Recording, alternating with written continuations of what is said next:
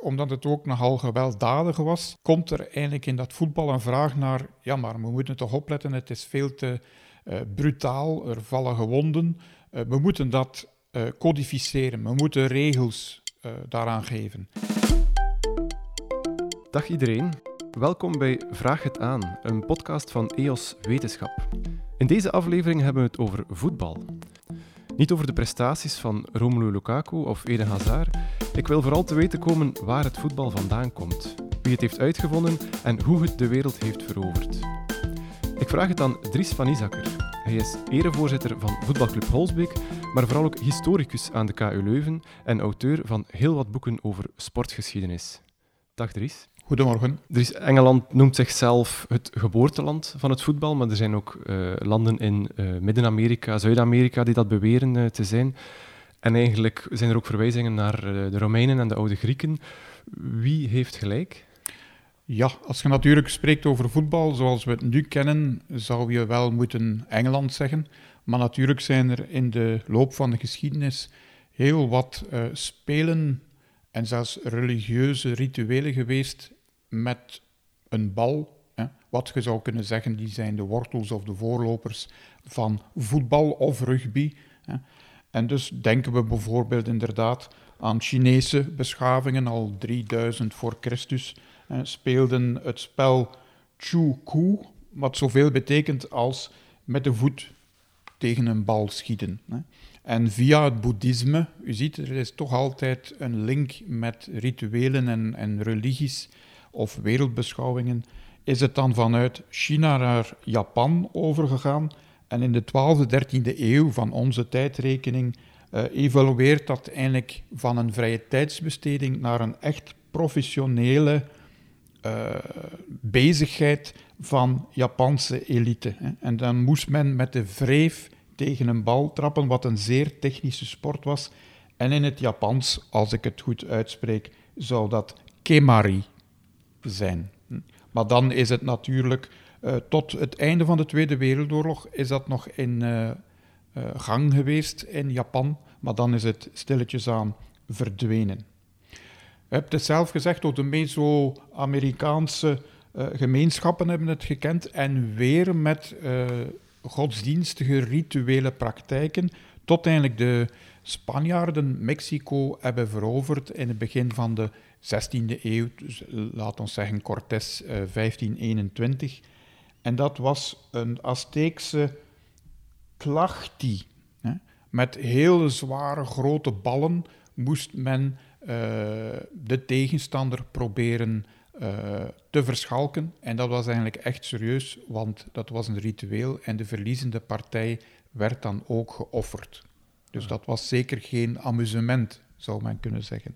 Dus je ziet, er zijn altijd zaken geweest met een bal, met een religieus karakter. En als we dichter bij ons kijken in het Westen, heb je bijvoorbeeld Soul in het Franse uh, Noord-Frankrijk, Rijssel en zo verder zijn er bronnen uh, van middeleeuwse spelen waar parochies hè, in feite uh, de bal in mekaars kamp gingen gaan leggen, ook een beetje om een territoriale uh, oppervlakte te bepalen. Hè. Want parochies zijn nu nog altijd heel territoriaal, territoriaal bepaald. En dat was eigenlijk een soort spel dat met ook een religieus karakter in de zin van het werd gespeeld op feestdagen, religieuze feestdagen. En het was ja, ingekaderd in allerlei feestelijkheden, markten enzovoort. Maar het was toch een belangrijke bezigheid. Hè. En bijvoorbeeld in Zuid-Duitsland en in Zwitserland spreekt men dan van Osterbal, Broutbal, in België het Sollen, hè. in Italië Gioco del Pagno, uh, in Engeland village football of folk football. Je ziet, dat zijn allerlei balspelen die eigenlijk al zo lang als de mens bestaat, denk ik, ja. uh, hebben bestaan. Want over welk tijdperk spreken we dan?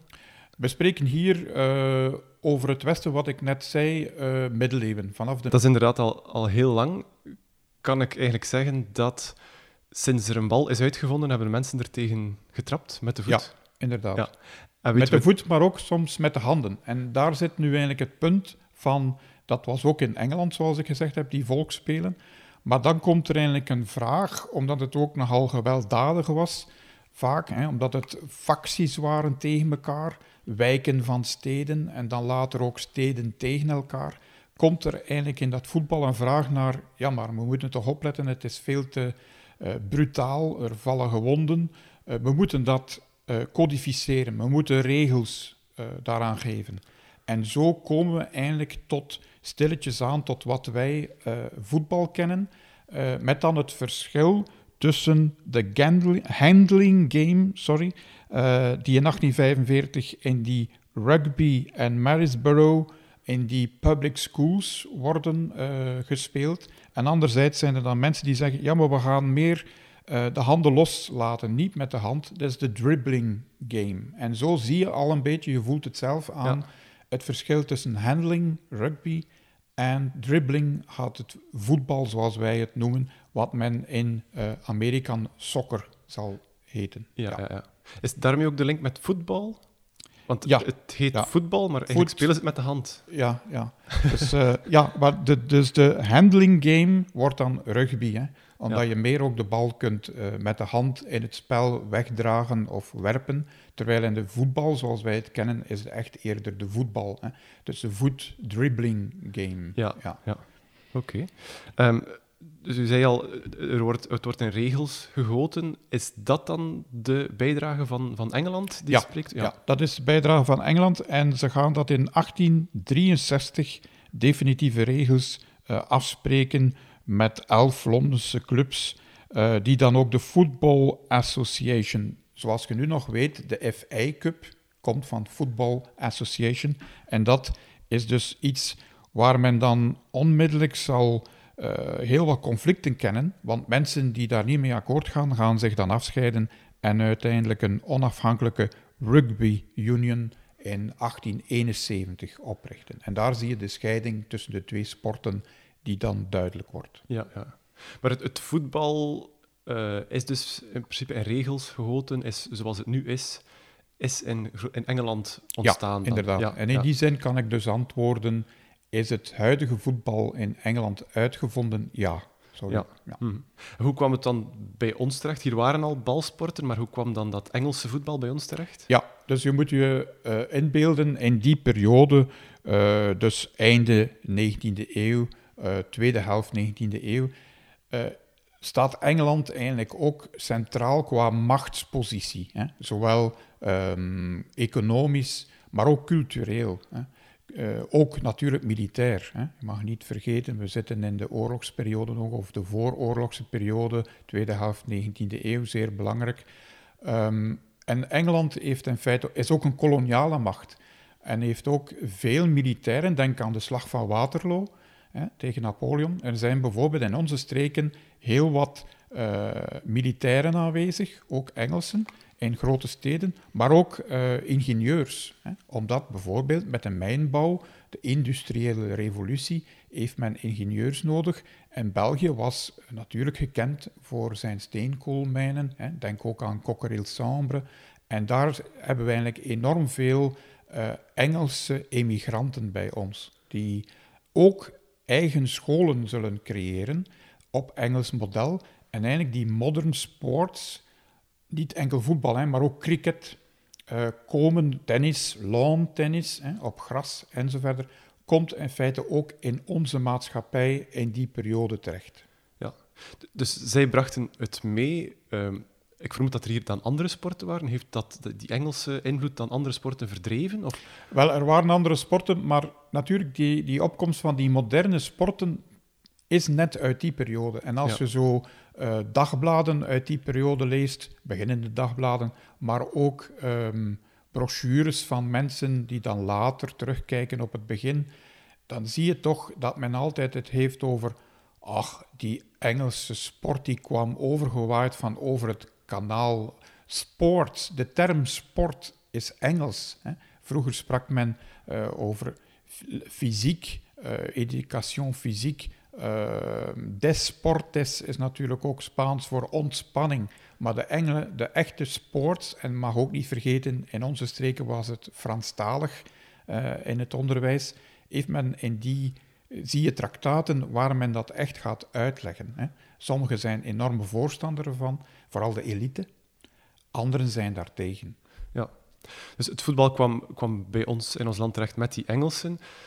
Anderzijds, je ziet nu ook soms dat er vanuit de VS bijvoorbeeld uh, skaten of zo komt, maar dat wordt nooit zo groot als voetbal geworden is. Hoe komt het dat voetbal zo groot geworden is? Ja, ik denk dat uh, door de simpele infrastructuur, denk ik. Als je ook de dag van vandaag ziet, eigenlijk heb je niet veel nodig. Hè? Een bal, in het begin was dat natuurlijk vaak een varkensblaas enzovoort. Maar je hebt een veld en twee, twee goals. Hè. Goals kun je ook maken met gewoon kledingstukken of verder. Dus ook bijvoorbeeld naschoolse uh, sport en beweging werd hier in de colleges uh, echt gestimuleerd. Het was gemakkelijk, het kreeg enorm veel succes. Uh, denk bijvoorbeeld aan het college van Melle bij de Josefieten. was een typische speciale school in feite. Het was eerst een privéschool en dan later door die religieuzen overgenomen, de Josefieten. Maar het was eigenlijk al bedoeld eerder om ingenieurs op te leiden in een middelbare voorbereiding. En daar was dus het Engelse formaat zeer belangrijk, namelijk sports.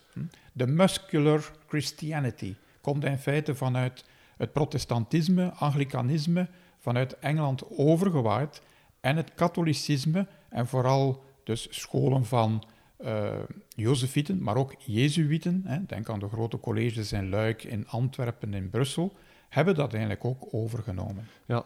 Was het aanvankelijk dan vooral een sport voor de, de hoger opgeleiden? Ja, aanvankelijk was het uh, voor hoger opgeleiden. En dat hangt ook vast van sports fair play, werd eigenlijk gezien als iets voor elitairen. Hè.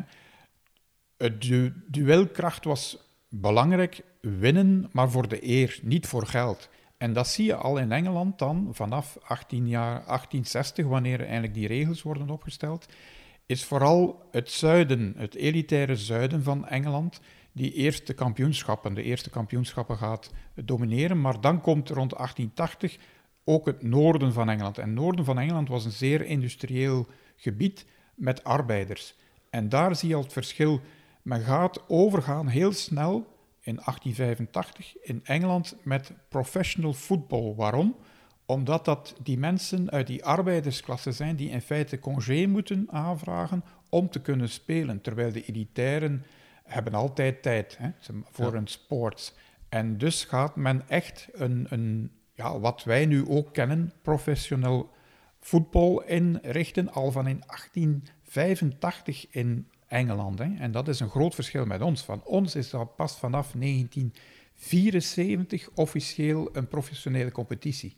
Voordien waren het amateurs altijd. Of mensen die gingen werken in de fabriek en achteraf ook nog voetbalden bij teams als Club Brugge, als Anderlecht. In de jaren 60 was dat ook zo, nog bij mhm. ons. Ja.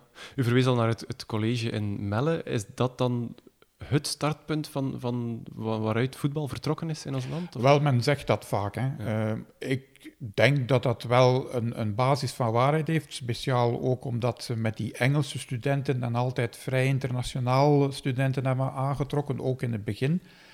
Um, men zegt dat daar een Ierse uh, roodharige jongen met een, op een dag met een bal op de speelplaats binnenstapte. Maar je ziet ook bijvoorbeeld uh, Guido Gezelle, uh, die in de colleges in Brugge en in Roeslaar, het klein seminarie, actief was. Daar zijn ook al sporen heel vroeg van in de jaren 1860, 1870 dat er voetbal werd gespeeld. Hetzelfde is eigenlijk het geval met de broeders Saverianen in Brugge, met het college, waar ook heel wat sporten, lawn tennis, cricket en ook voetbal werd uh, gespeeld. Ja. Was het een, een, sport van, van op de speelplaats of werd het ook in, in lessen, lichamelijke opvoeding? Lessen niet, ah. zeker niet in het katholiek onderwijs. Het was eigenlijk, zoals uh, historicus Roland Renson ook heeft gezegd, een corpus alienum. Hè. Eigenlijk iets dat iets vreemds was, dat zich in de school kwam vestigen. Hè. Maar men was, natuurlijk moet je ook zien, de Athenea deden dat natuurlijk ook. Hè. Athenea die eerder het, het uh, officieel onderwijs was, het niet-denominationeel onderwijs. Maar bijvoorbeeld de religieuzen zegden, we kunnen het beter omarmen, die sporten, dan ze te laten naar goddeloze voetbalclubs gaan. Dus ze zegden, we gaan het accapareren we gaan het zelf organiseren en dan kunnen we die sport binnen de lijnen in onze opvoeding behouden. Denk bijvoorbeeld aan de kardinaalsbeker uh, met uh, Canonic Dessin en kardinaal Mercier van uh, Mechelen, die in feite een soort schoolcompetitie hebben gestart, die dan later gaat uitmonden in de katholieke sportbonden die we lang hebben gekend tot rond het jaar 2000 zelfs. Hè. De katholieken hebben het voetbal dus omarmd en ook zelf georganiseerd. Waren zij ook deels een motor achter de verspreiding van, van het voetbal? Deels wel, inderdaad. Vooral, zoals ik zei, met het uh, inrichten van die schoolcompetities werd dat eigenlijk uh, een, iets dat aantrok. Uh, maar anderzijds waren ook veel geestelijken, zowel in Vlaanderen, Wallonië als in Nederland bijvoorbeeld, vaak tegenstanders. Omdat men zei, dit is te fysiek, te competitief en dat strookt niet met onze visies, opvattingen van opvoeding. Ja. U, u bent zelf professor religiewetenschappen, uh, maar ook met een heel sterk interesse in sportgeschiedenis. Voelt u dat, dat, dat dat twee werelden zijn die botsen of net elkaar steunen? Of, of... Wel, het is altijd een, een evenwichtsoefening geweest, ook in de geschiedenis. Maar de dag van vandaag, uh, bijvoorbeeld in het Vaticaan, in uh, de Pauselijke Raad voor Cultuur, maar ook bijvoorbeeld in uh, de dicasterie voor het gezin, het leven, um, zijn er onderafdelingen die zich speciaal met sport bezighouden. En bijvoorbeeld, ik heb mogen meewerken in 2018 aan het eerste officiële totaaldocument van het Vaticaan over sport. Dus u ziet, ze zijn zeer geïnteresseerd. Denk aan onze paus nu ook. Hij heeft, uh, denk ik, in het begin dit jaar een speciaal interview toegestaan en er is een boekje van gemaakt aan de grootste sportkrant van Italië, La Gazzetta dello Sport. En in feite is, uh, zoals u ook weet, hij een socio van een Argentijnse ploeg en heeft hij altijd in zijn jeugd als doelman gefunctioneerd. Hetzelfde met uh, Johannes Paulus II was de grote sportbouw. Hij ging skiën, wandelen, zwemmen, kano, voetbal ook. Dus in die zin in feite is religie en sport zeker geen tegenstelling. Uh, ik ben bijvoorbeeld ook een paar jaar geleden op reis geweest naar Thailand en ik heb in een boeddhistische tempel in een schrijn een afbeelding gezien van Beckham. Dus ah, je ziet, religies uh, en sport gaan altijd samen uh, hebben altijd wel iets met elkaar te maken. Ja. Het, het, komt soms zelfs zo dicht, bijvoorbeeld die afbeelding van Beckham. Er zijn ook mensen die Beckham zouden kunnen aanbidden. Er wordt ook gezegd, voetbal is God. Uh, op zondag gaan mensen naar het voetbal en niet meer naar de mis. Dus het vervangt ook religie, denk ik. Inderdaad, inderdaad. En er zijn bepaalde studies die, uh, van sociologen, bijvoorbeeld Stokvis, een Nederlander, um, die dus heeft gezegd dat sport in feite de functies van religie overneemt. Hè. Uh, zingeving, uh, verbinding van de mensen. Denk maar aan de supporters, het samen zingen van liederen. Er zitten ook veel parallele rituelen in. Hè. Men is, heeft dezelfde kledij aan. Bijna is dat, uh, kun je vergelijken met christelijke denominaties waar men uiterlijke kledij draagt, waar men ziet dat men lid is ervan. Hè. Een supporter van Club Brugge had zich in blauw-zwart Iemand van Anderlecht gaat zich in paars hullen en verder. Er zijn veelzelfde rituelen. Hetzelfde is bijvoorbeeld een Messi of een Ronaldo zijn bijna hoge priesters geworden. Hè, waar men, maar er is ook veel religie uh, zichtbaar op het veld. Meer dan vroeger. Hè. Ik denk bijvoorbeeld Lukaku. U hebt hem genoemd in het begin van uw inleiding. Maar Lukaku men weet van Lukaku, hij heeft dat zelf getuigd. Men heeft, ik heb daar trouwens een reportage op Sporza van gezien. Hij leest de Bijbelversen voor iedere wedstrijd. Hij is zeer gelovig. Denk ook bijvoorbeeld aan die Braziliaanse uh, spelers, Kaká. Die zijn allemaal lid van uh, de Pinksterkerken in uh, Brazilië. En die uiten dat dan ook wanneer ze scoren of voor een wedstrijd gaat men bidden. Hè. Ook de spelers die tot de islam behoren, hè, gaan vaak zelfs in groep na een overwinning op de knieën en bidden voor Allah. Dus in die zin zie je meer dan vroeger uh, heel eigenaardig, in een geseculariseerde wereld, zoals we die toch altijd noemen, is er meer en meer tekenen van religieuze bewogenheid, ook op het sportveld. Mhm. Dat indelen in, in groepen. Dus dat, dat, je bent fan van Anderlecht of supporter van Club Brugge. Ehm, die rivaliteit is vaak zeer groot. Die, die, verbondenheid tussen de supporters en dat vijandschap met de andere ploeg is ook vaak zeer groot. Ik heb de indruk dat dat vooral in voetbal zo is. Zelfs in andere teamsporten, basketbal, volleybal, zie je dat veel minder. Kan je verklaren waarom net voetbal zo hard opdeelt? Zo hard die groepsdynamiek, of die groepsverbondenheid versterkt? Ja, je hebt wel gelijk. In die zin, ik denk dat dat ook een beetje met de oorsprong van voetbal te maken heeft. In de zin van, dat zijn echt zo facties die zich afzetten tegen elkaar. Je hoort tot een bepaalde groep en via het spel, via het zodanig opgaan in je eigen team of het supporteren, zet je je eigenlijk af tegen de anderen. En dat is vaak het probleem van voetbal met hooliganisme. Uh, in feite zou je meer moeten positief je eigen club altijd aanvuren en minder oog hebben voor de tegenstander. Maar dan komt nog eens de scheidsrechter vaak tussen, hè, en de dag van vandaag de VAR. Dus het is zeer, ik denk dat de mensen zich zo identificeren met een club, dat ze zich persoonlijk aangevallen voelen wanneer er een beslissing wordt genomen die hen niet ligt. Hè. Ja, ja.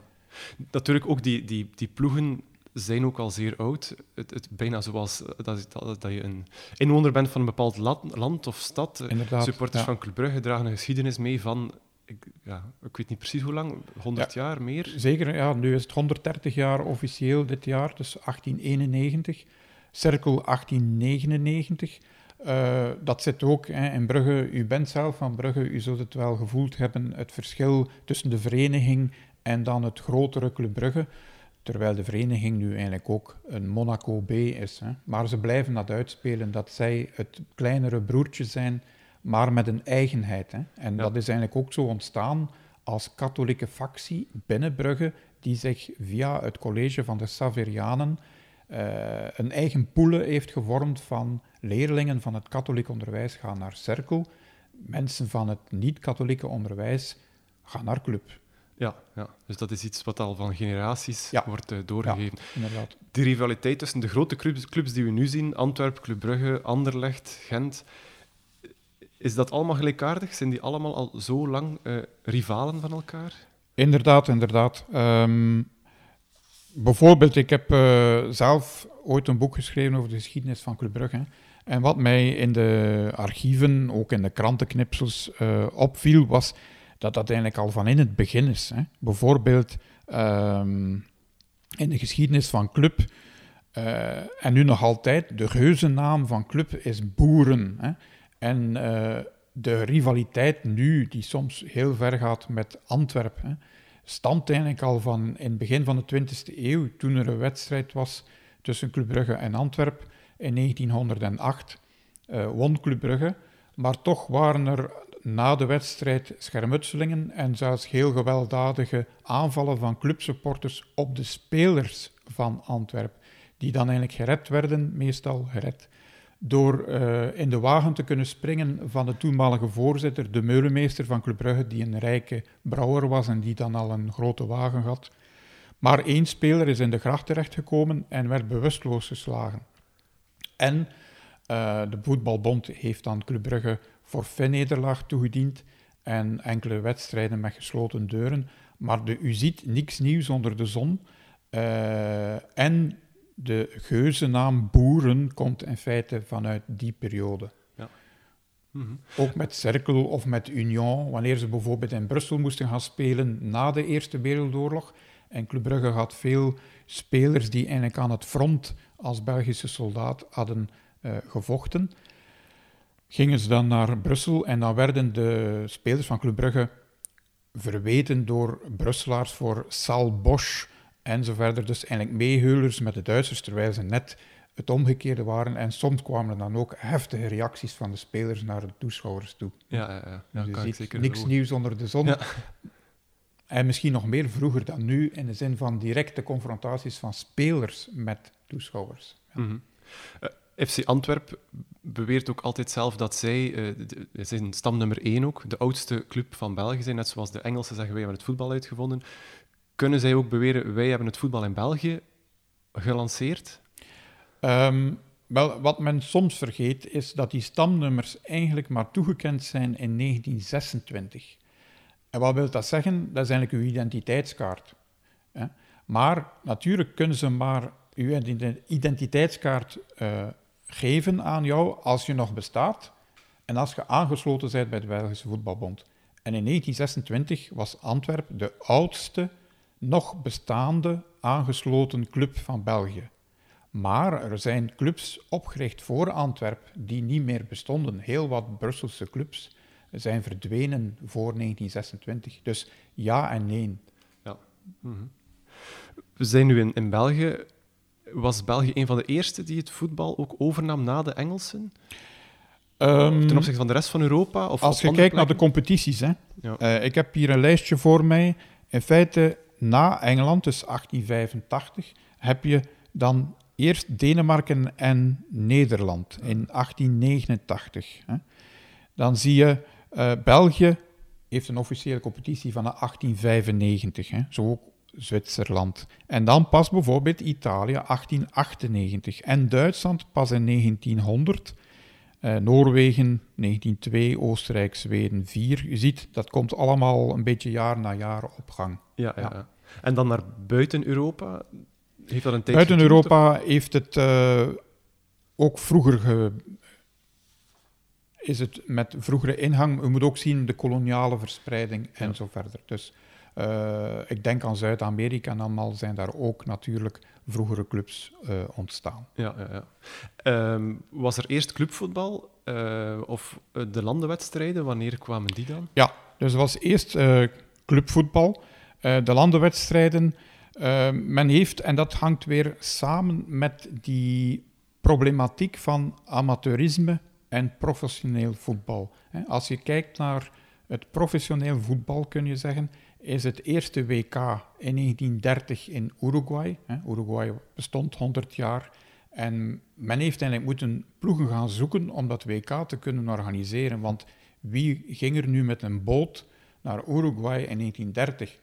De Fransen, de Belgen, de Roemenen. Maar in feite waren er weinig deelnemers. Wat was er wel al uh, qua landenvoetbal vooraf?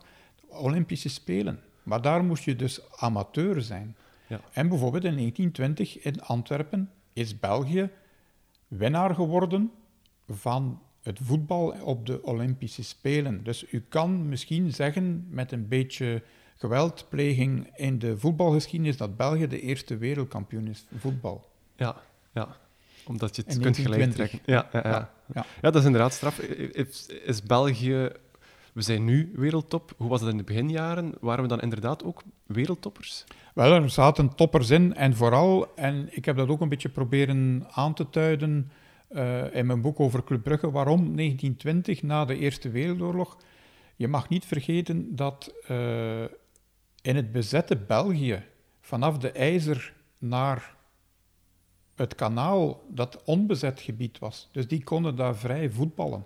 Dus bijvoorbeeld de Front Wanderers waren spelers binnen het leger, Belgische spelers, die dan ook internationale toernooien deden. Hè? In 1917 met Italië en uh, spelen tegen Engelse ploegen en zo verder.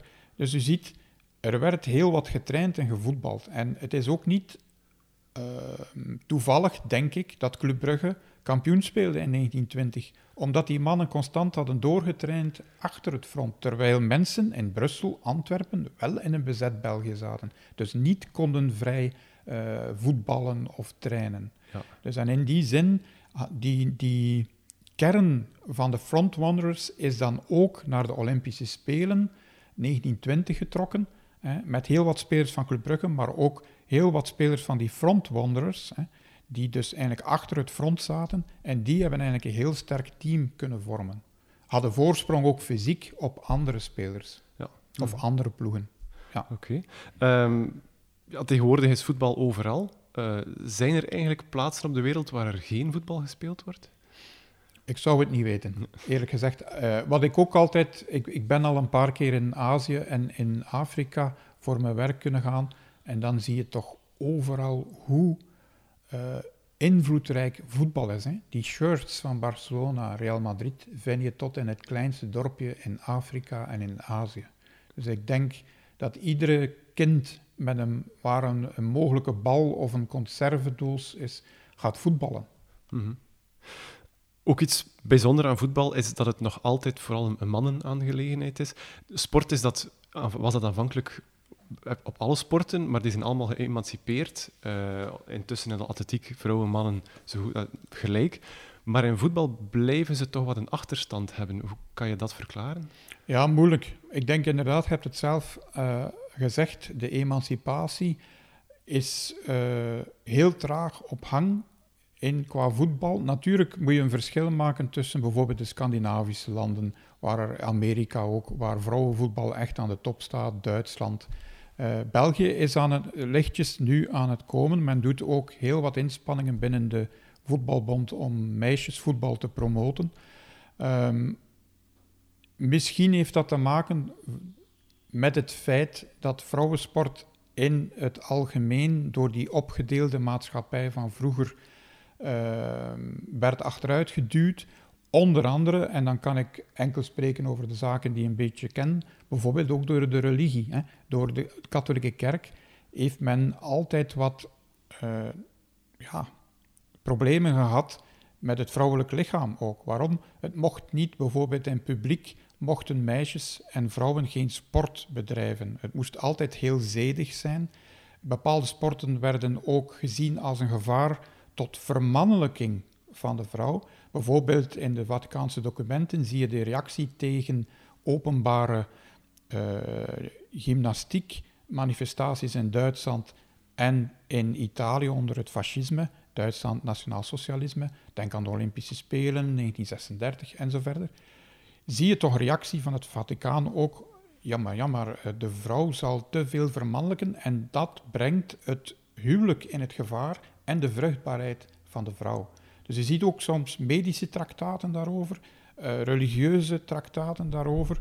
En ik denk dat dat toch altijd een beetje um, een rol heeft gehad.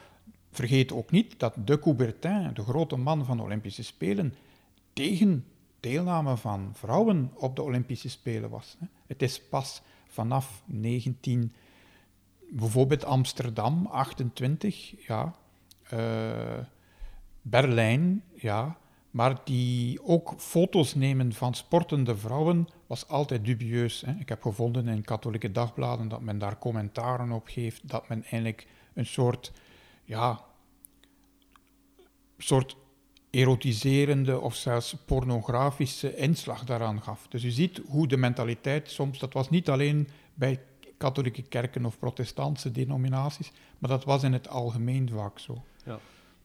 Het feit dat het voetbal nog altijd eigenlijk vooral dat mannelijke uh, beeld heeft, heeft dat ook te maken met het feit dat daar die rivaliteit, die vijandigheid veel groter is?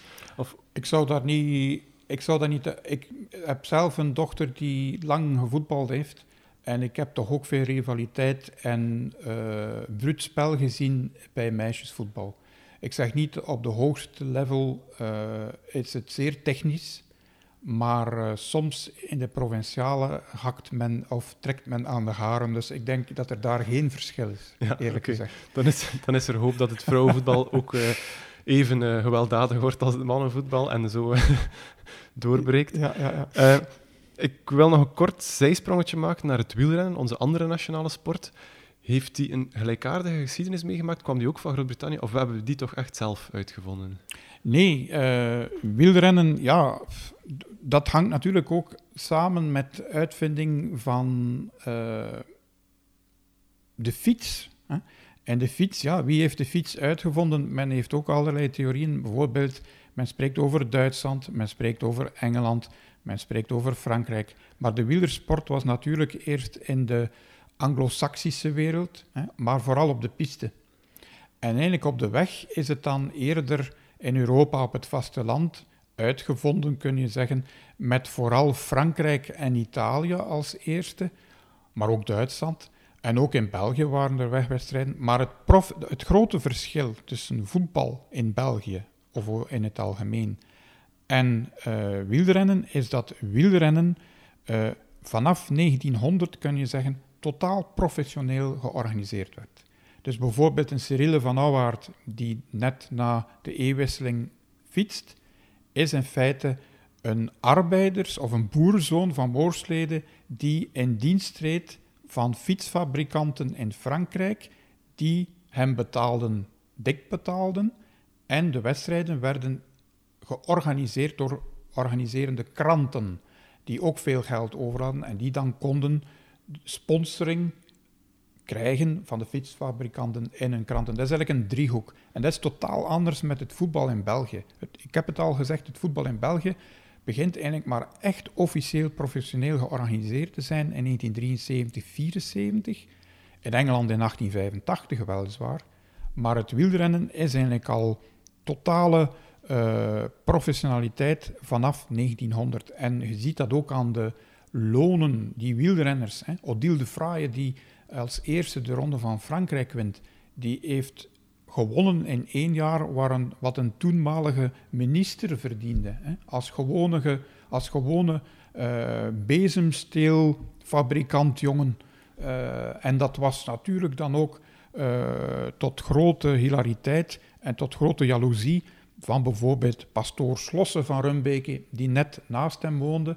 En toen Odile de Fraaie een soort uh, hotel bouwde in zijn tuin, roespeteerde de pastoor in zijn dagboeken: O tempora, o mores, dat men nu al die onnozele sporters zoveel geld geeft. Wat is dat hier allemaal? Dus we spreken van 1912. We zijn nu 2021. In feite is dat al meer dan 100 jaar in de wielersport zo dat men enorme bedragen verdient. Ja, ja. Nu is het vooral in het voetbal de hele grote bedragen. uh, ja. Er is ook die rivaliteit, misschien vooral in ons land, tussen wielrennen en uh, voetbal, de, onder de supporters dan. Uh, wielrenners, wielerfans zijn anti-voetbal, voetbalfans vinden wielrennen maar niks. Is daar een verklaring voor? Het enige dat ik misschien kan zeggen is, uh, om het even te duiden, het is een beetje lacherig, maar, maar soms wordt het gebruikt. Men spreekt van wielersport en men spreekt van het voetbalspel. Ja. En je ziet dat ook vaak met kwetsuren. Hè. Uh, natuurlijk is het een andere constitutie, de, de, de spieren worden anders uh, gebruikt. Maar als wielrenners in ravijnen duiken, stuiten ze vaak weer of een sleutelbeenbreuk hebben, kunnen ze natuurlijk weer op de fiets twee weken later terwijl een voetballer soms langere tijd oud is. Maar ik denk dat het moeilijk te vergelijken is. Um, wat ik ook nog als mooie anekdote heb, hoe men soms gevrongen zit in de, in de belangstelling. Hè. Toen ik voorzitter was van VK Holsbeek heb ik het vaak meegemaakt, vooral dan in de winter. De voetballers stonden op het veld met de scheidsrechter. Dus de 22 spelers en de scheidsrechter. Er stond niemand rond het veld. Ze zaten allemaal in de kantine want er was veldrit-uitzending uh, ah, die zondagnamiddag. Dus je ziet dan soms, ja, ik denk dat het toch bij de meeste Vlamingen gaat het toch nog naar het wielrennen, denk ik. Hoeveel supporters er ook zijn in het voetbal. Ja, mm, oké. Okay. Uh, om nog eens snel terug naar voetbal. Slotvraag. Worden de Rode Duivels Europees kampioen? ik ben een historicus, ik kijk naar het verleden, ah, ja. ik kan het... Uh, en naar het heden en wat, naar wat het nu worden zal. Hè. Maar ik kan geen. Uh, ik hoop het. Ik hoop het. Voor deze gouden generatie zou het fantastisch zijn dat ze een prijs meepakken. Hè. Ja. Het zijn stuk voor stuk zeer goede voetballers. Maar ik vrees dat landen zoals Frankrijk, Portugal en misschien een, een underdog. En vergeet ook nooit Duitsland. Hè. Ja, oké. We zullen zien. De, de geschiedenis. Uh wordt binnenkort geschreven, de komende ja. weken. Ik wil u heel, heel erg bedanken voor de zeer eh, interessante antwoorden. Voor het, Graag gedaan. Uh, jullie luisteraars, bedankt voor het luisteren. En ik wil jullie nog meegeven dat er een speciale editie van EOS Wetenschap aankomt met sportwetenschap als centraal thema. Daarin hebben we het onder andere over slimme trainingstechnieken, sportvoeding, aerodynamica, maar ook over sport en gezondheid, psychologie en sport en zelfs over Olympische Spelen voor robots. De special ligt vanaf 24 juni in de winkel en je kan ze ook kopen via www.tijdschriftenwinkel.be. Tot een volgende keer.